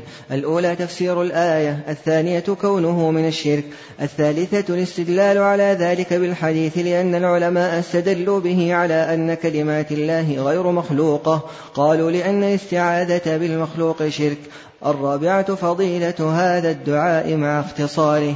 الخامسة أن كون الشيء يحصل به منفعة دنيوية من كف شر أو جلب نفع لا يدل على أنه ليس من الشرك.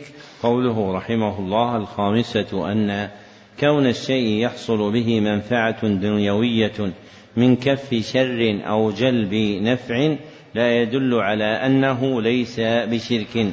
لأن أهل الجاهلية كانوا إذا نزلوا واديا استعاذوا بسيد الجن من شرهم. لأن أهل الجاهلية كانوا إذا نزلوا واديا استعاذوا بسيد الجن من شرهم. فيقولون نعوذ بسيد هذا الوادي من شر أهله. فيقولون نعوذ بسيد هذا الوادي من شر أهله.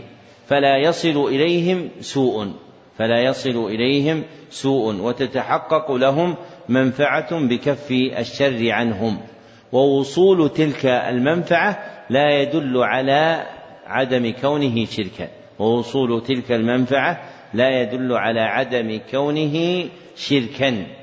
وهذا من المواضع التي يتنازع فيها الحكم الشرعي والحكم القدري. فالحكم الشرعي الواقع هنا أن المشركين لما استعاذوا بسيد هذا الوادي من شر الجن أعادهم وحماهم فوقع بقدر الله أنه لم يصلهم سوء من الجن والحكم الشرعي في فعل هؤلاء المشركين أنه إيش؟ أنه شرك أكبر، أنه شرك أكبر، فمع منفعته القدرية قدم رعاية الحكم الشرعي ووجب العمل به في كون ذلك شركا أكبر.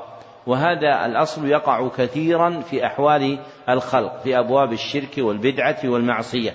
يقدمون الحكم القدري على الحكم الشرعي. يقدمون الحكم القدري على الحكم الشرعي أي يستدلون بوجود منفعة أو مصلحة قدرية على مخالفة الحكم الشرعي. والأصل أن العبد متعبد بالأحكام الشرعية. والأصل أن العبد متعبد بالأحكام الشرعية. واضح؟ يعني مثلا الآن قد تجمع بعض العصاة وتعظهم وتنصحهم فتلين قلوبهم. فمن الناس من إذا رأى هذا في بكاء العاصين أمرهم بأن يسجدوا سجدة التوبة لأنهم قصدوا الانخلاع من ذنوبهم والخروج منها. فهنا تحقق في الحكم القدري أن الله هداهم إلى إيش؟ إلى التوبة أنهم يريدون التوبة. طيب وما فعله من أمرهم بالسجود سجدة التوبة؟ هذا له أصل أم ليس له أصل شرعي؟ ليس له أصل شرعي. طيب إذا قال نحن جربناها فوجدنا أن كثيرا انتفعوا بها حتى أن بعض المقاطع رآها ناس فيما وراء البحار فتابوا إلى الله عز وجل. نأخذ بقوله أم نأخذ بالحكم الشرعي؟ نأخذ بالحكم الشرعي فيقدم الحكم الشرعي على الحكم القدري. نعم. أحسن الله إليكم. قال المصنف رحمه الله باب من الشرك أن يستغيث بغير الله أو يدعو غيره. مقصود الترجمة بيان أن الاستعاذة أن الاستغاثة بغير الله أو دعاء غيره من الشرك. بيان أن الاستغاثة بغير الله أو دعاء غيره من الشرك وهي من أكبره. نعم. قال المصنف رحمه الله وقول الله تعالى ولا تدع من دون الله ما لا ينفعك ولا يضرك فإن فعلت فإنك إذا من الظالمين. وإن يمسسك الله بضر فلا كاشف له إلا هو الآية وقوله فابتغوا عند الله الرزق واعبدوه الآية وقوله ومن أضل ممن يدعو من دون الله من لا يستجيب له إلى يوم القيامة. الآيتين وقوله أمن يجيب المضطر إذا دعاه ويكشف السوء. الآية وروى الطبراني بإسناده أنه كان في زمن النبي صلى الله عليه وسلم منافق يؤذي المؤمنين. فقال بعضهم قوموا بنا نستغيث برسول الله صلى الله عليه وسلم من هذا المنافق. فقال النبي صلى الله عليه وسلم إنه لا يستغاث بي وإنما يستغاث بالله عز وجل. ذكر المصنف لتحقيق مقصود الترجمة خمسة أدلة. فالدليل الأول قوله تعالى ولا تدع من دون الله ما لا ينفعك. الآية والتي بعدها. ودلالته على مقصود الترجمة من وجهين. أحدهما في قوله ولا تدع من دون الله. أحدهما في قوله ولا تدع من دون الله. فإنه نهي والنهي للتحريم. فإنه نهي والنهي للتحريم. فتحريم فدعاء غير الله والاستغاثة به من المحرمات فدعاء غير الله والاستغاثة به من المحرمات. والاستغاثة بالله نوع من أنواع عبادته. والاستغاثة بالله نوع من أنواع عبادته. فإذا جعلت لغيره فهي شرك. فإذا جعلت لغيره فهي شرك. فالمحرم المذكور هنا من الشرك فالمحرم المذكور هنا من الشرك. والآخر في قوله فإن فعلت فإنك إذا من الظالمين فإن فعلت فإنك إذا من الظالمين أي من المشركين. فالظلم يطلق ويراد به الشرك فالظلم يطلق ويراد به الشرك وهو أعظم درجاته. وهو أعظم درجاته. فمن دعا غير الله أو استغاث به فهو واقع في ظلم الشرك. فمن دعا غير الله أو استغاث به فهو واقع في ظلم الشرك. والدليل الثاني قوله تعالى فابتغوا عند الله الرزق واعبدوه ودلالته على مقصود الترجمة من وجهين أحدهما في قوله واعبدوه فهو أمر بعبادة الله فهو أمر بعبادة الله ومن عبادته دعاؤه والاستغاثة به ومن عبادته دعاؤه والاستغاثة به فإذا دعي غيره واستغيث به فهو شرك أكبر وإذا دعي غيره واستغيث به فهو شرك أكبر. والآخر في قوله في تمام الآية إنما تعبدون من دون الله أوثانا. إنما تعبدون من دون الله أوثانا. تعريفا بأن دعاء غير الله والاستغاثة به من الشرك. تعريفا بأن دعاء غير الله والاستغاثة به من الشرك. فمن دعا غيره أو استغاث به فقد وقع في الشرك الأكبر. والدليل الثالث قوله تعالى ومن أضل ممن يدعو من دون الله. الآية ودلالته على مقصود الترجمة في قوله ومن أضل ممن يدعو من دون الله. أي لا أحد أضل منه. أي لا أحد أضل منه. فهو بالغ في الضلالة غايتها. فهو بالغ في الضلالة غايتها. وغاية الضلالة الشرك الأكبر. وغاية الضلالة الشرك الأكبر. فمن دعا غير الله أو استغاث به فهو واقع في الشرك الأكبر. والدليل الرابع قوله تعالى أمن يجيب المضطر. الآية ودلالته على مقصود الترجمة في قوله أمن يجيب المضطر إذا دعاه ويكشف السوء. مع قوله أإله مع الله. مع قوله أإله مع الله.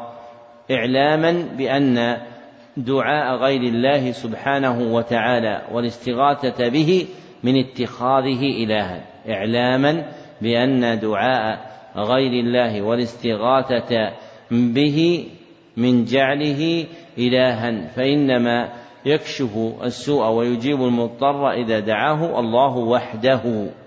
والدليل الخامس حديث عبادة بن الصامت رضي الله عنه أنه كان في زمن النبي صلى الله عليه وسلم منافق. الحديث رواه الطبراني في المعجم الكبير وإسناده ضعيف.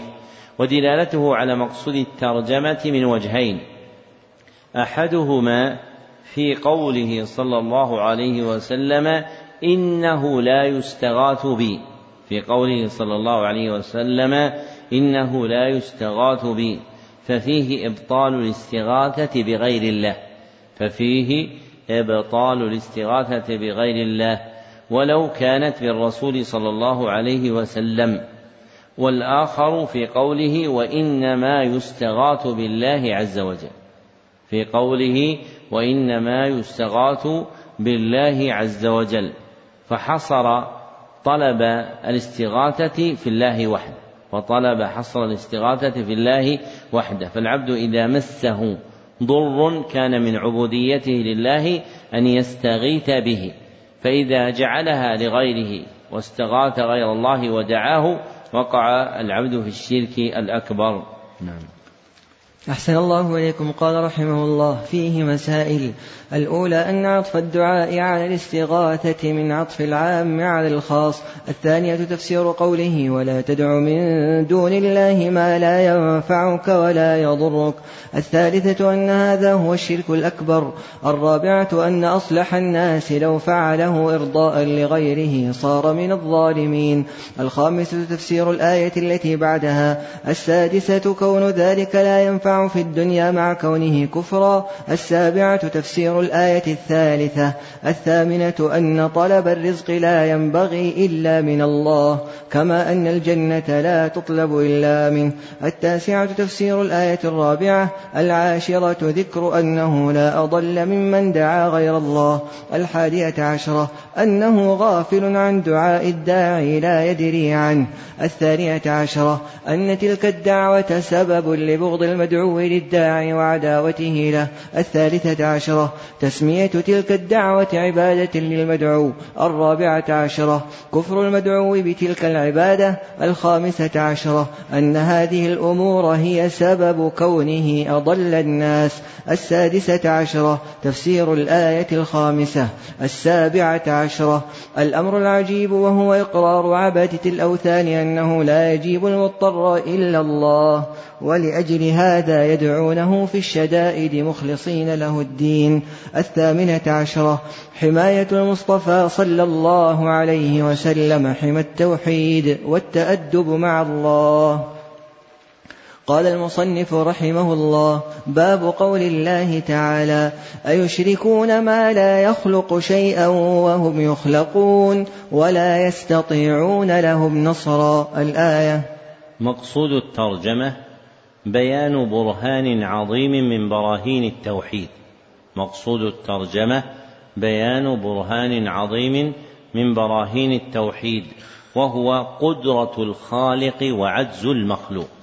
وهو قدرة الخالق وعجز المخلوق فالقادر هو المستحق أن يكون معبودا فالقادر هو المستحق أن يكون معبودا والعاجز لا يستحق ذلك والعاجز لا يستحق ذلك.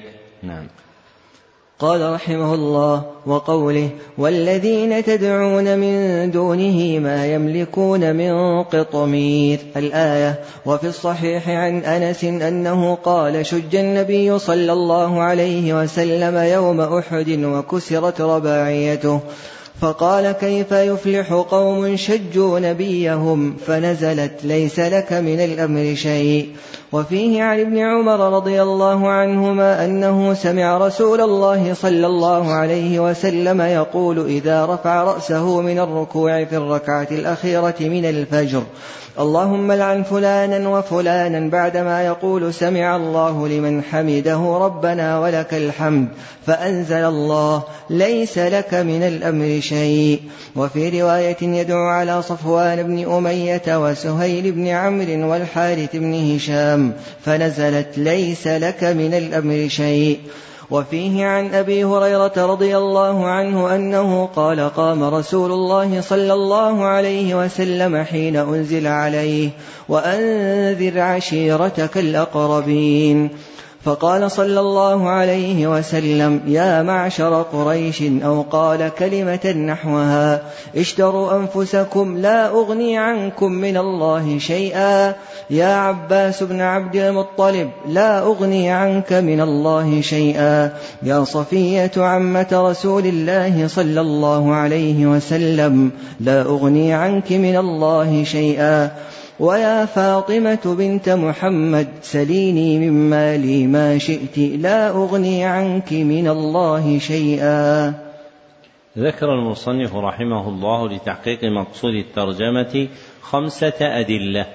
فالدليل الأول قوله تعالى أيشركون ما لا يخلق شيئا الآية والتي بعدها. ودلالته على مقصود الترجمة في قوله ما لا يخلق شيئا وهم يخلقون بيانا لقدرة الله عز وجل مع قوله ولا يستطيعون لهم نصرا وقوله ولا أنفسهم ينصرون بيانا لعجز المخلوق فالخالق القادر هو المستحق للعبادة والمخلوق العاجز غير مستحق لها. فذكر من أفعال الله ما يدل على قدرته وذكر من أفعال المخلوق ما يدل على عجزه. والدليل الثاني قوله تعالى والذين تدعون من دونه الآية. ودلالته على مقصود الترجمة في قوله ما يملكون من قطمير والقطمير هو اللفافة التي تحيط نواة التمره هو اللفافة الرقيقة التي تحيط نواة الثمرة بيانا لعجز المخلوق بأنه لا يملك شيئا حقيرا. بيانا لعجز المخلوق بأنه لا يملك شيئا حقيرا كتلك اللفافة. وأن الله سبحانه وتعالى هو الذي له الملك. وأن الله سبحانه وتعالى هو الذي له الملك. كما قال في صدر الآية المذكورة ذلكم الله ربكم له الملك. ذلكم الله ربكم له الملك. بيانا لقدرة الخالق سبحانه وتعالى بتمام ملكه. فالمالك القادر هو المستحق للعبادة. وأما الفقير العاجز فهو غير مستحق للعبادة. والدليل الثالث حديث أنس رضي الله عنه أنه قال شج النبي صلى الله عليه وسلم يوم أحد. الحديث متفق عليه. ودلالته على مقصود الترجمة في إنزال الله سبحانه وتعالى قوله ليس لك من الأمر شيء. في إنزال الله سبحانه وتعالى قوله ليس لك من الأمر شيء. بعد قوله صلى الله عليه وسلم كيف يفلح قوم شجوا نبيه؟ بعد قوله صلى الله عليه وسلم كيف يفلح قوم شجوا شجوا نبيهم استبعادا منه صلى الله عليه وسلم لفلاحهم. استبعادا منه صلى الله عليه وسلم لفلاحهم. فعرف النبي صلى الله عليه وسلم أنه لا يملك الحكم على عواقبهم. فعرف النبي صلى الله عليه وسلم أنه لا يملك الحكم على عواقبهم وأن الحاكم المتصرف في عواقبهم هو الله وأن الحاكم المتصرف في عواقبهم هو الله فهو المستحق للعبادة وحده. والدليل الرابع حديث ابن عمر رضي الله عنهما أنه سمع رسول الله صلى الله عليه وسلم يقول إذا رفع رأسه الحديث متفق عليه أيضا ودلالته على مقصود الترجمة في إنزال الله تعالى قوله ليس لك من الأمر شيء بعد قوله صلى الله عليه وسلم اللهم العن فلانا وفلانا وفيه المعنى المتقدم وفيه المعنى المتقدم من اختصاص الله بالحكم على عواقب الخلق. من اختصاص الله بالحكم على عواقب الخلق. فاللعن هو الطرد من رحمة الله. فاللعن هو الطرد من رحمة الله. والله سبحانه وتعالى هو المتصرف في الخلق بتعذيبهم أو رحمتهم فهو الحقيق أن يكون معبودا. والحديثان يدلان على أن سبب نزول الآية واقعتان مختلفتان والحديثان يدلان على أن سبب نزول الآية واقعتان مختلفتان. فحديث أنس فيه أنه نزل بعد كذا وكذا وحديث ابن عمر فيه أن وحديث ابن عمر فيه أنه نزل كذا وكذا. وأحسن الأقوال أن الواقعتين وقعتا أولا ثم نزلت الآية بعدهم. أن الواقعتين وقعتا أولا ثم نزلت الآية بعدهما فتصلح أن تكون سببا فتصلح كل واحدة أن تكون سببا لنزوله فتصلح أن تكون كل واقعة سببا لنزولها وهو اختيار أبي عبد الله البخاري في صحيحه وهو اختيار أبي عبد الله البخاري في صحيحه. والدليل الخامس حديث أبي هريرة رضي الله عنه أنه قال قام رسول الله صلى الله عليه وسلم حين أنزل عليه الحديث متفق عليه أيضا ودلالته على مقصود الترجمة في قوله صلى الله عليه وسلم لا أغني عنكم من الله شيئا وقوله وقوله لا أغني عنك من الله شيئا وقوله لا أغني عنك وقوله مرتين لا أغني عنك من الله شيئا. فالنبي صلى الله عليه وسلم الذي هو أفضل الخلق لا يد له في نجاة أحد من الخلق فلا يملك له من دون الله سبحانه وتعالى غنى. فلا يصلح الحكم على الخلق فلا يكون الحكم على الخلق في مآلهم جنة أو نارا إلا لله سبحانه وتعالى وحده فيكون هو المستحق للعبادة دون غيره. نعم. قال رحمه الله فيه مسائل.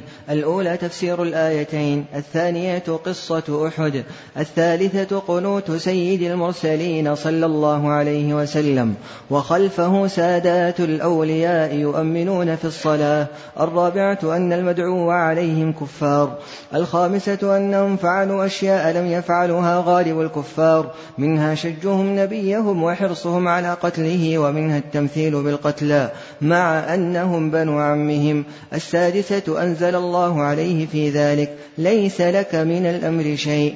السابعة قوله أو يتوب عليهم أو يعذبهم فتاب عليهم وآمنوا. الثامنة القنوت في النوازل التاسعة تسمية المدعو عليهم في الصلاة بأسمائهم وأسماء آبائهم. العاشرة لعن المعين في القنوت الحادية عشرة. قصته صلى الله عليه وسلم لما أنزل عليه وأنذر عشيرتك الأقربين. الثانية عشرة. جده صلى الله عليه وسلم في هذا الأمر بحيث فعل ما نسب بسببه إلى الجنون وكذلك لو يفعله مسلم الآن. الثالثة عشرة.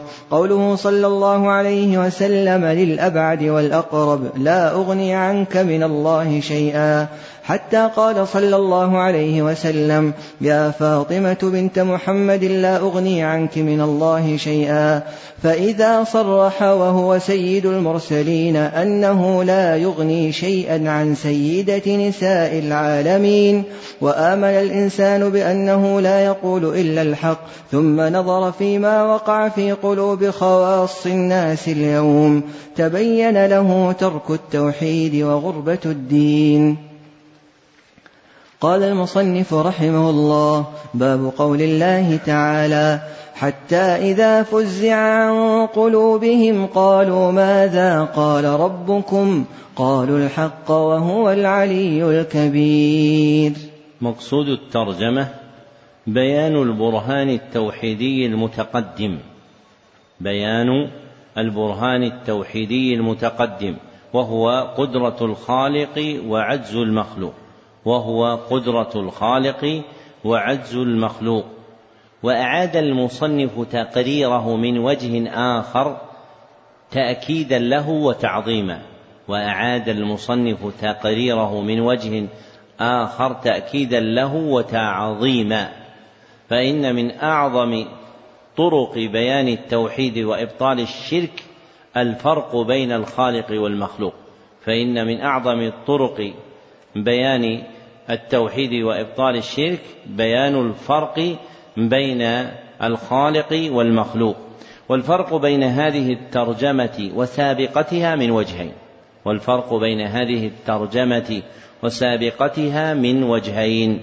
أحدهما أن المضروب عجزه مثلا في هذه الترجمة أن المضروب عجزه مثلا في هذه الترجمة هم الملائكة المعظمون عند المؤمنين والمشركين. هم الملائكة المعظمون عند المؤمنين والمشركين. وأما المضروب عجزه مثلا في الترجمة السابقة فهم الآلهة الباطلة المعظمة عند المشركين ومحمد صلى الله عليه وسلم المعظم عند المؤمنين. وأما المضروب عجزه مثلا في الترجمة السابقة فهو الآلهة الباطلة المعظمة عند المشركين ومحمد صلى الله عليه وسلم المعظم عند المؤمنين. والآخر أن المضروب عجزه مثلا في هذه الترجمة من أهل السماء. أن المضروب عجزه مثلا في هذه الترجمة من أهل السماء. والمضروب عجزه مثلا في الترجمة السابقة من أهل الأرض والمضروب عجزه مثلا في الترجمة السابقة من أهل الأرض.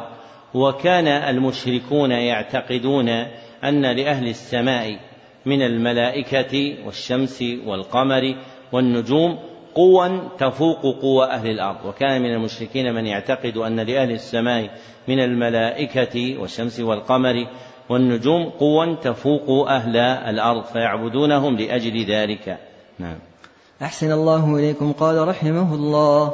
في الصحيح عن أبي هريرة رضي الله عنه عن النبي صلى الله عليه وسلم أنه قال إذا قضى الله الأمر في السماء ضربت الملائكة بأجنحتها خضعانا لقوله كأنه سلسلة على صفوان ينفذهم ذلك.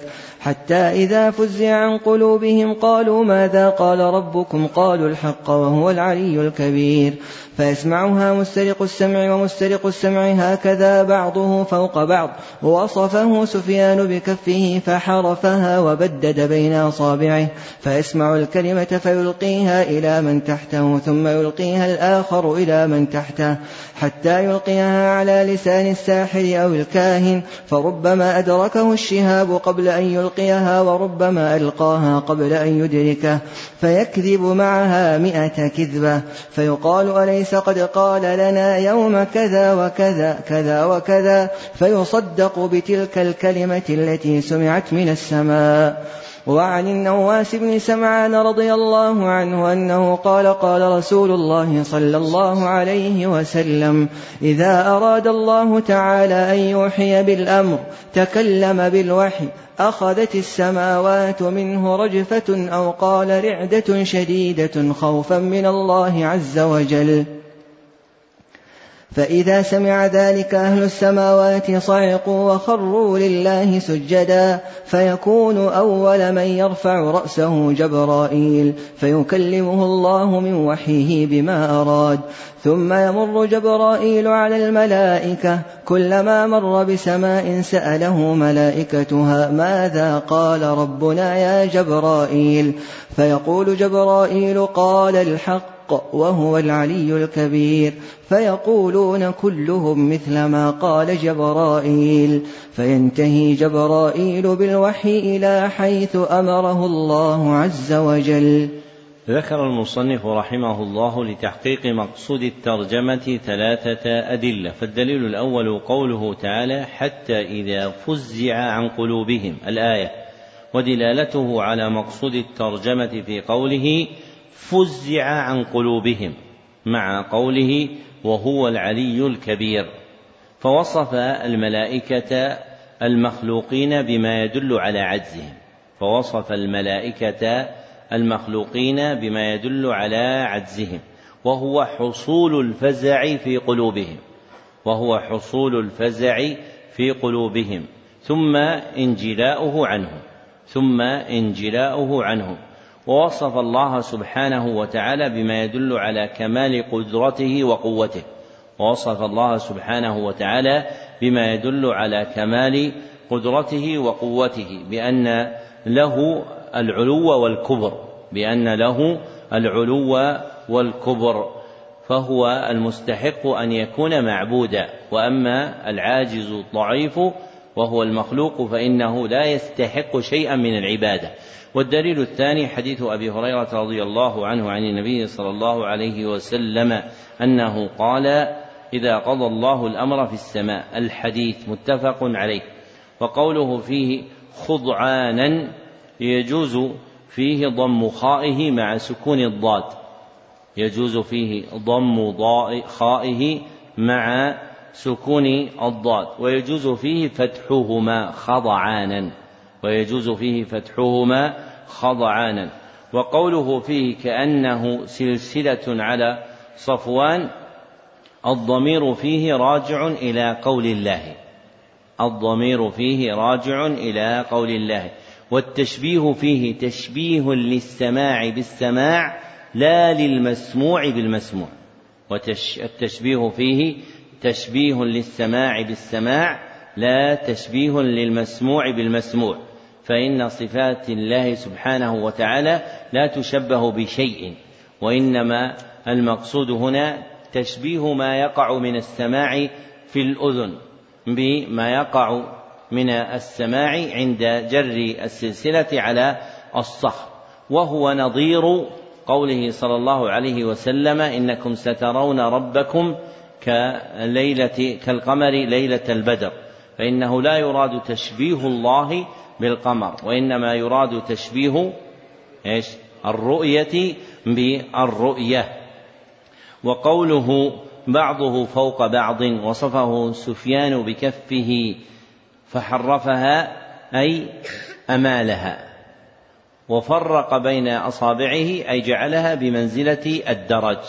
فهم يرقون إلى السماء على هذه الصفة مائلين ودلالته على مقصود الترجمة في قوله حتى إذا فزع عن قوله عن قلوبهم ودلالته على مقصود الترجمة في قوله حتى إذا فزع عن قلوبهم مع قوله وهو العلي الكبير على ما تقدم بيانه من أنه وصف الملائكة المخلوقون بما يدل على عجزهم ووصف الله بما يدل على قدرته وعظمته. والدليل الثالث حديث النواس بن سمعان رضي الله عنه أنه قال قال رسول الله صلى الله عليه وسلم إذا أراد الله تعالى أن يوحي بالأمر. الحديث رواه ابن أبي عاصم في كتاب السنة والبيهقي في الأسماء والصفات. رواه ابن أبي عاصم في كتاب السنة والبيهقي في الأسماء والصفات. وإسناده ضعيف ويشهد له حديث أبي هريرة فيكون حسنا. ويشهد له حديث أبي هريرة فيكون حسنا. ودلالته على مقصود الترجمة في قوله فإذا سمع ذلك أهل السماوات صعقوا وخروا لله سجدا. فإذا سمع ذلك أهل السماوات صعقوا وخروا لله سجدا. مع قوله وهو العلي الكبير. مع قوله وهو العلي الكبير فوصف الملائكة بما يدل على عجزهم وهو صعقهم وأنهم يصعقون فيخرون لله ساجدين وصف الله بما يدل على قدرته وقوته فهو المستحق أن يكون معبودا. نعم. أحسن الله إليكم. قال رحمه الله فيه مسائل. الأولى تفسير الآية. الثانية ما فيها من الحجة على إبطال الشرك خصوصا من تعلق على الصالحين.